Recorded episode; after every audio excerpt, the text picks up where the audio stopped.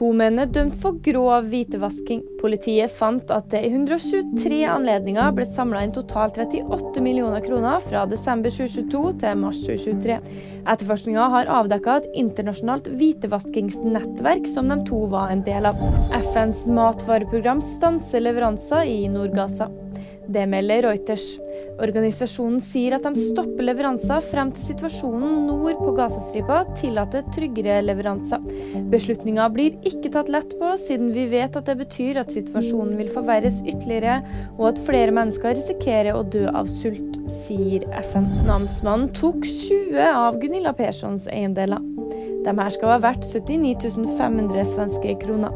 Persson skylder den svenske staten 640 000 svenske kroner, fordi hun skal urettmessig ha mottatt barnetrygd og stønader fra Sverige mens hun bodde i USA. Og nyheter det finner du alltid på VG.